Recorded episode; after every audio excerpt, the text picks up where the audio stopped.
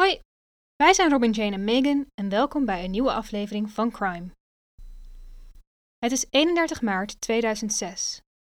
Spring Break staat op het punt te beginnen en de uitgaansgelegenheden in Columbus, Ohio draaien een goede nacht. Veel studenten vieren het einde van hun tentamenweek en het begin van de vakantie.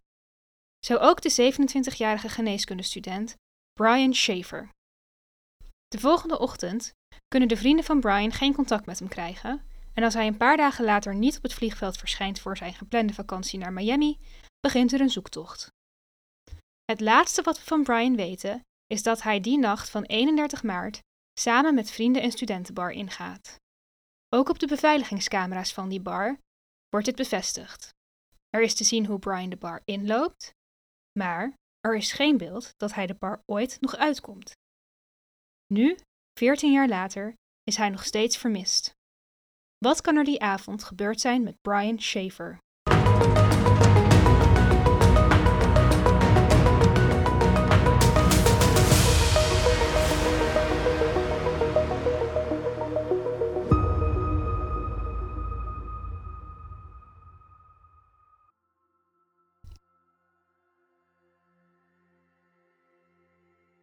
Vandaag de zaak van Brian Schaefer dus.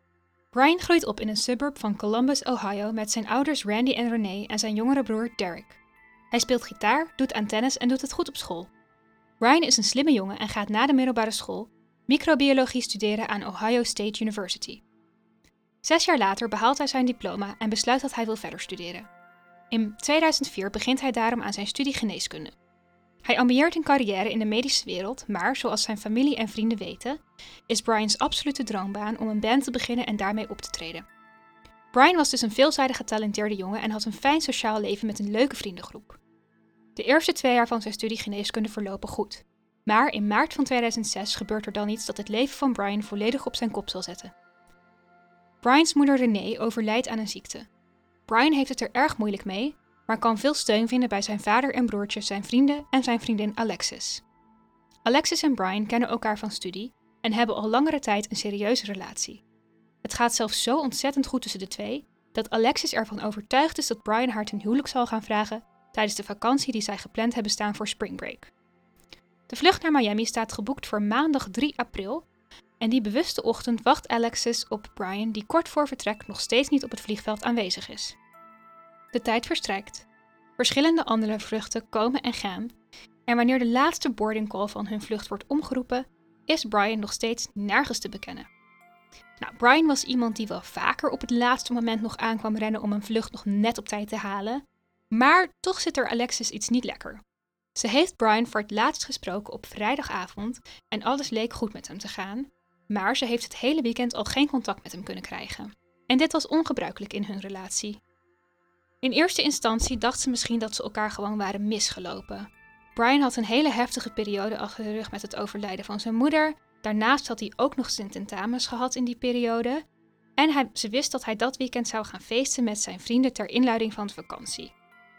Dus hij had een heel druk weekend. Hij ging even zijn zinnen verzetten en daarom dacht Alexis dat hij zich of misschien had teruggetrokken, of dat hij misschien gewoon dat ze elkaar waren misgelopen doordat hij met zijn vrienden op pad was. Maar als hij dan dus niet komt opdagen voor de vlucht, dan maakt Alex zich heel erg zorgen en dan belt de vader van Brian vanaf het vliegveld om hem in te lichten over de situatie en te vragen of hij misschien nog contact heeft gehad met Brian. Randy heeft Brian ook voor het laatst gezien op vrijdagavond, toen ze samen uit eten waren geweest, en gaat dan meteen na het telefoontje van Alexis langs bij het appartement van Brian om te kijken. Zit hem namelijk ook niet lekker. Nou, als de vader van Brian daar aankomt, dan ziet alles er eigenlijk gewoon heel normaal uit. Brian's auto staat voor het huis, zijn bed is opgemaakt, zijn boeken staan op zijn plek. Er is eigenlijk niks dat erop wijst dat er iets aan de hand zou zijn. Maar Brian is nergens te bekennen. Vader Randy belt dan de politie en geeft Brian officieel als vermist op. Brian's broer Derek komt ook nog even langs bij het appartement om te kijken of hij misschien nog iets vreemds ziet, maar er valt hem ook niks op. Daarnaast vindt hij het zo gek dat Brian zo'n opvallende verschijning is dat niemand hem er zou hebben gezien na die avond. Hij kan het zich gewoon echt niet voorstellen. Brian is lang, hij is 1,88 met donker haar. Hij heeft een hele um, vrolijke, grote glimlach. Hij heeft bijzondere ogen met een apart gekleurd vlekje erin. En hij heeft een opvallende tatoeage van Pearl Jam op zijn uh, rechterarm aan de bovenkant met het logo van de kaft van de single Alive. Nou, hij laat over het algemeen gewoon echt een indruk achter op mensen, maar toch heeft niemand hem in die afgelopen dagen gezien. En dat vinden de familie en de vriendinnen van Brian erg vreemd. Ook de vrienden van Brian hebben weinig van hem gehoord. Wat we weten is dat Brian op de avond van 31 maart dus met zijn vader uit eten is geweest. En daarna heeft hij zijn vrienden ontmoet om te gaan feesten in de studentenbar de Ugly Tuna Saloon. Dit is echt zo'n hele typische studentenbar, moet je je voorstellen. Er wordt veel gedronken, de muziek staat keihard. Ze hebben van die vissenkomdrankjes die je dan met z'n allen kunt delen met allemaal rietjes erin. Nou, dat soort dingen. Hij gaat hierheen met zijn voormalige huisgenoot Clint. En dat is om uh, ja, vroeg in de avond, rond een uurtje of negen, vertrekken ze daar al naartoe. Om tien uur s'avonds belt hij dan Alexis nog even. Die is dan op bezoek bij haar familie in een andere stad in Ohio. En dan vertelt hij haar dat hij uit is met Clint, dat het goed met haar gaat. Of dat het goed met hem gaat, dat hij van haar houdt en ehm, dat hij uitkijkt, uh, ernaar uitkijkt om haar maandag weer te zien. Het is dus een kort maar normaal gesprek. En na dit telefoontje drinken Clint en Brian nog eventjes door bij de Ugly Tuna Saloon. En daarna vertrekken ze om op een soort kroegentocht te gaan door de stad. Nou, ze komen dan een andere vriendin tegen, Meredith, en die gaat samen met Clint en Brian terug naar de Ugly Tuna Saloon voor het einde van de avond. Nou, het gaat dan nog even door daar en op een gegeven moment raken Clint en Meredith Brian uit het oog. Maar nou, iedereen die wel eens uit is geweest, die weet dat gebeurt nou eenmaal is als je uit bent. Hè. Het is druk, er is een menigte. Het ene moment zie je iemand nog staan en het andere moment ben je iemand kwijt. Mensen gaan naar de bar, mensen gaan even naar de wc. Uh, ze komen andere bekenden tegen en voor je het weet, vind je elkaar moeilijk nog terug in een grote mensenmassa. Maar als aan het einde van de avond dan de lichten aangaan, dan is Brian nog steeds spoorloos. Brian woonde op loopafstand van de bar, dus Clint en Meredith denken dat Brian misschien al gewoon eerder naar huis is gelopen en dat hij het hun niet heeft verteld. Nou, daarom gaan ze uiteindelijk ook richting huis en besluiten ze de volgende ochtend om te proberen om Brian te bellen om nog wel even te checken of dit inderdaad klopt. Maar dan neemt Brian de telefoon niet op. Maar ja, ze denken, we hebben het laat gemaakt, we hebben veel gedronken, dus misschien is hij brak en slaapt hij lekker uit. En achteraf denk je dan nu misschien van waarom hebben ze niet meer gedaan om te checken of ik echt niet thuis was. Maar ja, ik denk niet dat je op zo'n moment realiseert dat er iets gebeurd kan zijn. Ik bedoel, Brian was een.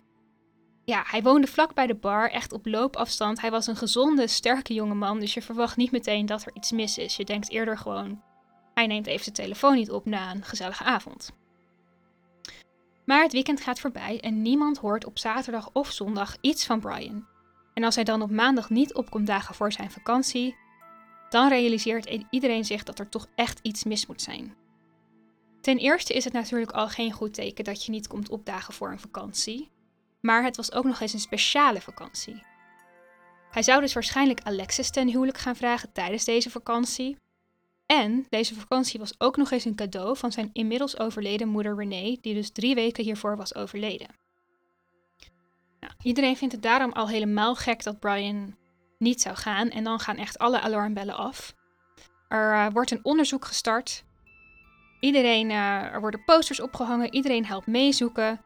De familie van Brian en Alexis zijn radeloos en Alexis trekt in in het appartement van Brian zodat ze zeker weet dat ze hem niet misloopt als hij misschien toevallig ineens toch zou thuiskomen. Ook blijft ze hem bellen en blijft ze voicemails achterlaten. Ze schakelen ook de politie in en die zitten ook zeker niet stil. Die gaan meteen langs allerlei ziekenhuizen in de omgeving om te kijken of Brian daar misschien is. Ze denken dat hij misschien betrokken is geweest bij een ongeluk of bij een overval en dat hij gewond is geraakt en naar het ziekenhuis is gebracht, maar dat hij daarom nog geen contact heeft kunnen opnemen. Maar Brian is niet in een ziekenhuis te bekennen. Nou, er wordt dan ook een tiplijn opgezet en de zaak wordt uitgebreid onder de aandacht gebracht in de lokale media, maar helaas levert dit allemaal niks op.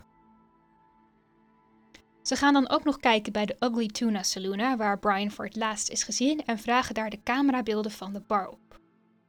Maar dit zorgt eigenlijk alleen maar voor meer vragen dan antwoorden. Op de beelden is te zien dat Brian de bar binnenloopt en je ziet hem dan achter Clint en Meredith staan op een roltrap die naar de ingang van de bar leidt. Nou, hij ziet er op de beelden prima uit. Hij lijkt het naar zijn zin te hebben. En het lijkt ook niet alsof hij te veel heeft gedronken of zo. Het, is gewoon, het zijn normale beelden van vrienden die een avondje uit zijn. Nou, wat we daarna zien is dat Brian net iets uit het beeld verdwijnt. Maar volgens de getuigenissen van Clint en Meredith is hij wel echt met ze mee naar binnen gelopen. En kwam hij meteen daarna al wat andere mensen tegen die hij kende. Dus vandaar dat ze hem daarna heel even uit het oog zijn verloren. Nou, de politie gaat dan de rest van die camerabeelden van die nacht na, want ze hopen dan erachter te kunnen komen hoe laat en in welke richting Brian precies is vertrokken vanuit de bar. Om vijf voor twee zien ze Brian net buiten de ingang van de bar staan, waar hij staat te praten met een paar andere studenten. En dan verdwijnt hij iets uit het beeld, richting de ingang van de bar, die een paar minuten later zou sluiten. Nou, als mensen naar binnen gaan bij een bar, dan zou je ook verwachten dat die persoon op een bepaald moment weer naar buiten komt. Maar dat is dus het hele vreemde in deze zaak. Er zijn geen camerabeelden dat Brian ooit de bar weer verlaat. Nou, er is natuurlijk wel echt, echt goed gezocht. Het is niet dat ze hem over het hoofd hebben gezien. Ze hebben de camerabeelden meerdere keren bekeken. En stuk voor stuk alle mensen nagetrokken die de bar ingaan. En geverifieerd dat deze mensen de bar weer uit zijn gegaan. En ze hebben dat dus met iedere persoon gedaan. En bij iedere persoon hebben ze gezien hoe die naar binnen en naar buiten ging. Behalve bij Brian. Die hebben ze alleen naar binnen zien gaan maar er is geen enkel beeld dat ze hem weer naar buiten zien gaan. Nou, dan denk je misschien, oké, maar was dit dan de enige uitgang van de bar? Hè? Want je kan je zo voorstellen dat een bar niet maar één ingang en uitgang heeft. Die was er. Maar ten eerste was deze uitgang alleen te bereiken via een goederenlift. Dus dan zou Brian met een goederenlift naar deze uitgang moeten zijn gegaan. Ik weet het niet, het, het kan, maar ja, dan moet hij daar überhaupt eerst komen. Nou, hij was een grote jongen van 1,88. Ja, dan zou hij in die lift moeten zijn gegaan, moeten zijn gestapt, met welke reden.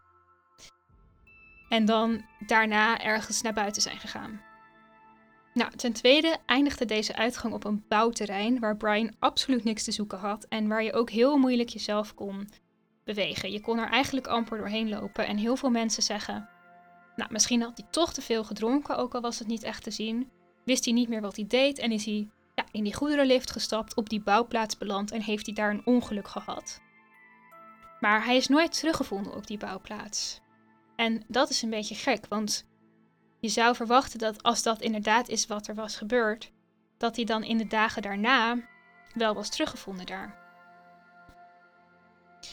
Um, nou ja, er waren geen beveiligingsbeelden van deze uitgang, dus het is niet 100% te checken of die inderdaad daar naar buiten is gelopen. Maar er waren wel beelden van de omgeving waarop deze deur ja, gedeeltelijk zichtbaar was en waarop de bouwplaats ook zichtbaar was. En daar zijn helemaal nul beelden van waar Brian op staat. Er lijkt geen activiteit te zijn, de deur lijkt niet eens open te gaan s'nachts. Ook uh, in de rest van Columbus, Ohio hangen ontzettend veel beveiligingscamera's overal. Uh, vooral in dit gebied waar al die bars zijn. Uh, je hebt daar camera's van de bars, van de winkels, maar ook gewone beveiligingscamera's van de stad zelf op straat. Maar op geen één van die beelden is Brian te bekennen. Dus ze hebben hem die nacht nadat hij die bar in is gegaan ook helemaal niet meer op straat zien lopen. Dat is natuurlijk heel vreemd.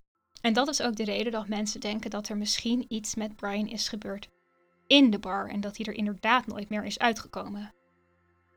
Nou, er zijn mensen die denken dat de vermissing van Brian iets te maken kan hebben gehad met een verkeerd gelopen ruzie of een drugsdeal die zich die avond in de Ugly Tuna Saloon zou moeten hebben voltrokken.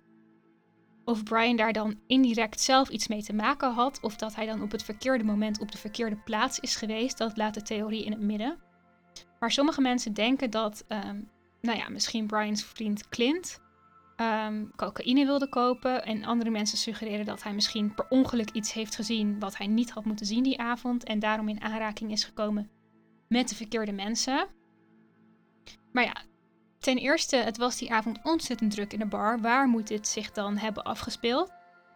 Is dit dan misschien na sluitingstijd geweest? Dat zou nog kunnen. Maar dan nog, um, ja, dan moet er personeel zijn geweest van de bar. En ik kan me niet voorstellen dat die dan hier niks van zouden hebben vernomen. En daarnaast is er ook nooit iets van Brian teruggevonden in de bar of in de omgeving van de bar. Geen bloed, geen lichaam, helemaal niks. Hij zou dan volgens deze theorie de bar moeten zijn, uh, ja, in de bar moeten zijn omgekomen en zijn lichaam zou dan verborgen zijn. En dan op een verborgen manier mee naar buiten zijn genomen door de daders. En dat daarna de bar is schoongemaakt. En nou ja, ik zelf vind deze theorie niet heel geloofwaardig. Ik kan me er heel weinig bij voorstellen. Dit is een, ja, wel een theorie die um, op internet heel erg de ronde gaat. Er zijn ook mensen die lijken te denken dat, of die ja, blijkbaar een reden hebben om aan te nemen dat uh, dit wel vaker gebeurde in deze bar, drugsdeals dan. Maar ja, er is eigenlijk helemaal geen bewijs voor. Er is, er is geen ondergrond voor deze theorie. Ik denk dat de grootste reden is dat mensen dit denken. Dat de buurt waarin deze bar zich bevond, die omgeving, dat was een buurt waar gewoon veel criminaliteit plaatsvond. Maar ja, ik, ik, we moeten denk ik niet vergeten dat naar deze bar over het algemeen ja, was het gewoon echt zo'n studentenbar waar mensen naartoe gingen aan het einde van, het, van het semester. Om gewoon lekker te feesten. En ja, in principe, misschien uh, werden er af en toe wat drugs gedaan, maar het was niet alsof het een enorme criminele tent was waar allemaal deals plaatsvonden. Daarnaast hingen er overal camera's in de buurt, dus het lijkt me heel onlogisch dat dit is wat er heeft plaatsgevonden. Maar goed, deze theorie wilde ik even met jullie delen, omdat nou, veel mensen hier dus wel uh, blijkbaar in geloven. Nou, er zijn ook mensen die denken dat Clint en Meredith misschien iets te maken hebben met Brian's verdwijning. En de politie onderzoekt deze mogelijkheid ook, want ja, zij zijn de laatste die hem hebben gezien. En ze vragen beide Meredith en Clint om een leugendetectortest af te leggen. En Meredith doet dit en die slaagt. Maar Clint die wil het niet. Die schakelt meteen een advocaat in. Nou ja, is dit gek? Niet per se, vind ik. Je hoort het wel vaker in dit soort zaken. Ik bedoel, hij is een vriend van Brian. Hij is degene die hem voor het laatst heeft gezien. Het is, ja, je kan zeggen, het ziet er verdacht uit om meteen een advocaat in te schakelen. Maar ja, het is natuurlijk ook wel een stukje veiligheid voor jezelf als je in zo'n grote zaak betrokken raakt. Ja, om dan gewoon iemand anders het woord te laten doen die verstand heeft van de wet. Het, het komt wel echt veel vaker voor dat mensen meteen een advocaat nemen. Dus, nou ja, beetje uh, ja, in het midden of dat nou wel of niet hem verdacht maakt. Maar de relatie tussen Clint en Brian blijkt achteraf niet heel best te zijn. En ze hadden die avond ook nog ruzie gehad tijdens het uitgaan. Nou, vooral de broer van Brian en uh, Alexis, dus de vriendin van Brian, die vermoeden allebei dat Clint meer weet over deze zaak dan dat hij loslaat. Um, ja, Clint heeft alleen echter nooit meer informatie gegeven over de zaak en er is ook geen enkel bewijs wat hem kan linken aan de verdwijning van Brian. Dus ja, of hier veel waarheid in zit, dat blijft een vraag. Maar ja, deze twee theorieën bestaan dus over wat er met Brian kan zijn gebeurd in de bar ja, ik vind ze allebei. Ik kan me er niet zo goed een voorstelling bij maken. Ook niet hoe Brian dan daarna de bar zou moeten zijn uitgenomen. Dat, terwijl overal camera's hingen. Ik snap dat mensen zo redeneren. Want ja, je gaat een bar in en je komt er nooit meer uit. Dat is gewoon ook een beetje een gek idee. Maar goed, stel nou dat Brian wel op de een of andere manier die bar uit is gekomen. Zonder dat hij op de camerabeelden staat. De kans is heel klein, maar stel dat het dus wel is gebeurd. Stel dus inderdaad dat hij via die bouwplaats naar buiten is gekomen. En stel dat het wel allemaal goed is gegaan, dat hij op de een of andere manier zijn weg door die bouwplaats heeft weten te manoeuvreren en dat hij weer ergens op straat terecht is gekomen. Nou, stel dat we dat als uitgangspunt nemen. Wat kan er dan met hem gebeurd zijn? Nou, zoals eerder gezegd was er veel criminaliteit in het gebied. Dus sommige mensen denken dat Brian op weg naar huis misschien is overvallen en hierbij is vermoord en dat daarna zijn lichaam kwijt is gemaakt. Als dit is gebeurd, dan is dit dus ergens gebeurd waar geen camera's hingen en zijn er dus ook geen getuigen van. Dat is één korte theorie waarover verder weinig te zeggen valt. Een andere mogelijkheid is dat um, Brian per ongeluk ter water is geraakt. En dat hij op zijn weg naar huis bijvoorbeeld ehm, ja, langs het water heeft gelopen. Er, er was daar wel een water, dus dat zou kunnen. Dat hij erg moe was van zijn tentamenweek. Hij was natuurlijk erg verdrietig over de dood van zijn moeder. En hij had die avond veel gedronken. En sommige mensen denken zo'n combinatie die kan ervoor zorgen dat hij misschien minder helder heeft waargenomen dan normaal. En dat hij dus misschien is gevallen in dat water. Nou, de vader van Brian, Randy, die heeft op een gegeven moment in deze zaak een helderziende ingeschakeld. En die zei dat Brian's lichaam in dat water vlakbij zijn uh, appartement te vinden zou zijn. Dus Randy en Derek zijn daar ook op zoek gegaan in dat water. Maar ze hebben hem daar niet gevonden. Dus als dat is gebeurd, dan uh, hebben ze hem ja, helaas nooit teruggevonden. Dan is er nog een andere theorie. Deze wordt heel veel besproken op het internet. Hij is een beetje dubieus omdat überhaupt er twijfel over bestaat of dit ja, een bestaand iets is. En dit is de smiley face killers theorie. En de smiley face killers zijn een ja, bekende internettheorie over een ja, soort bende of een soort cult van moordenaars die jonge mannen die terugkomen van het uitgaan targeten. En het ontstaan van deze theorie is begonnen met een reeks mysterieuze gevallen waarbij jonge jongens na het uitgaan werden teruggevonden in een rivier in de buurt, maar waarbij nader onderzoek geen tekenen van verdrinking geconstateerd konden worden. Uh, of ja, andere vormen van overlijden zijn geconstateerd. In de buurt van waar deze lichamen zijn gevonden, werden dan in sommige gevallen um, smileys en graffiti op de muur gevonden. En zo is een beetje deze theorie ontstaan. Dat er zo'n bende bestaat. Uh, ja, of misschien copycats zelfs van zo'n theorie. Uh, ja, die dan jonge jongens die terugkomen van het uitgaan targeten. Die ze dan op een bepaalde manier vermoorden. Het lichaam in het water dumpen. En dan dus hun kenmerk, zo'n smiley face, in de buurt op een muur uh, graffitiën. Er is überhaupt dus nooit geconstateerd dat er zo'n groep bestaat. En ja, als die wel zou bestaan en dit is wat er met Brian is gebeurd, dan zullen we dat ook niet weten, want het lichaam van Brian is nooit gevonden. Dus er kan ook niks worden bevestigd over zijn doodsoorzaak of, of dat hij in de buurt is gevonden van zo'n uh, smiley face uh, kenmerk. Nou, sommige mensen die denken dat Brian zichzelf misschien iets heeft aangedaan of zelf is vertrokken. Ze denken dat het verdriet van het overlijden van zijn moeder misschien hem te veel is geworden. En dat dat de vermissing in scène heeft gezet. Hij had die avond natuurlijk gedronken en zijn, zijn gevoel van het gemis werd misschien versterkt omdat hij die vakantie gepland had. En die vakantie dat was een cadeautje van zijn moeder geweest. Dus het zou kunnen dat het daarom ja, nog wat net extra in zijn hoofd speelde die avond. En nou ja, familie en vrienden van Brian zelf geloven deze theorie absoluut niet.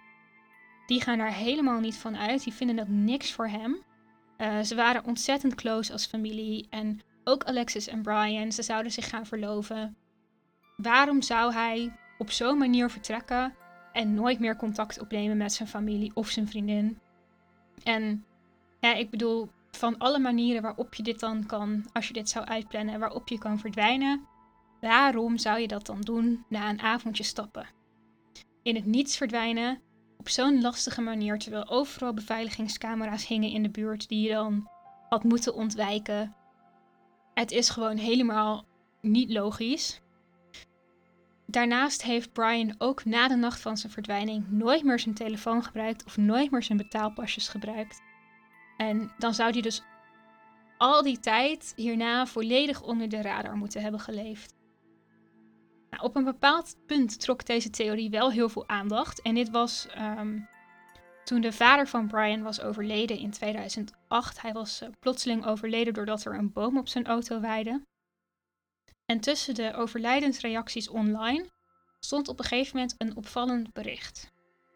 En dat bericht werd afgesloten met To Dad, Love Brian en dan tussen haakjes US Virgin Islands. Dus hierdoor wordt even ja, werd weer kort gedacht aan die theorie dat Brian misschien zelf was vertrokken. Maar drie weken na onderzoek bleek dit bericht afkomstig te zijn van iemand anders. En was het dus een totale hoax. Het was Brian niet. Het was gewoon een of andere internet troll die, ehm, ja, die dit uh, heeft geplaatst. Ik zal het nooit begrijpen. Ik snap echt niet waarom je zo, zo'n harteloze grap uit zou halen of op deze manier aandacht zou zoeken. Maar ja, je hoort het echt veel vaker bij bekende vermissingszaken dat mensen ineens allerlei dingen online plaatsen of doen alsof ze weten waar die persoon te vinden is of zich voordoen als de persoon zelf. Ik vind het echt verschrikkelijk, want je geeft nabestaanden valse hoop en je kost het onderzoek ook veel tijd wat niet nodig is geweest. Maar goed, het is dus um, ja, vals bericht, helaas. Maar daarna was deze theorie wel iets meer afgesloten en uh, werd er eigenlijk nog minder aandacht aan besteed dan voorheen al werd gedaan. Nou, eigenlijk zijn dit de theorieën die er zijn over deze zaak. Verder is er nooit iemand naar voren gekomen met informatie. De broer van Brian, Derek, en uh, ja, zijn ex-vriendin Alexis, die hebben nog altijd ontzettend veel verdriet van de vermissing van Brian. Alexis heeft de periode in haar leven nu wel kunnen afsluiten. Ze heeft het iets meer achter zich kunnen laten en uh, ze heeft haar studie uiteindelijk afgemaakt en ze is nu getrouwd met kinderen. Derek mist zijn broer nog steeds heel erg. Hij is inmiddels um, getrouwd met de vrouw met wie hij op de avond van Brian's vermissing een afspraakje had. Hij voelt zich nog altijd heel erg schuldig dat hij die avond niet mee is uit geweest, omdat Brian dat wel had gevraagd. En hij heeft altijd gedacht: als ik toch was gegaan, had ik dan misschien deze vermissing kunnen voorkomen. Nou, in 2018 is de originele Ugly Tuna Saluna, waar Brian vermist is geraakt, gesloten en afgebroken. En veel mensen dachten dat Brian misschien hierbij nog zou worden teruggevonden. Dat er misschien een vreemd ongeluk is gebeurd binnen deze bar. Je hoort wel eens vaker dat mensen ja, vastkomen te zitten, misschien tussen kasten of muren. En dan jaren niet worden gevonden, maar dan ineens bij een verbouwing van een pand weer worden teruggevonden. Maar dit was helaas niet het geval. Brian werd hierbij ook niet teruggevonden. Er staat nu een nieuwe versie van de bar, de Ugly Tuna 2.0. En dit betekent ook dat de locatie helaas nooit meer nieuwe aanwijzingen zal kunnen geven over deze zaak. Over de vermissing van Brian Schaefer komen nu, zelfs na 14 jaar, nog altijd tips binnen. Maar helaas heeft nog niks geleid tot een antwoord op de vraag wat er die avond met Brian Schaefer gebeurd kan zijn.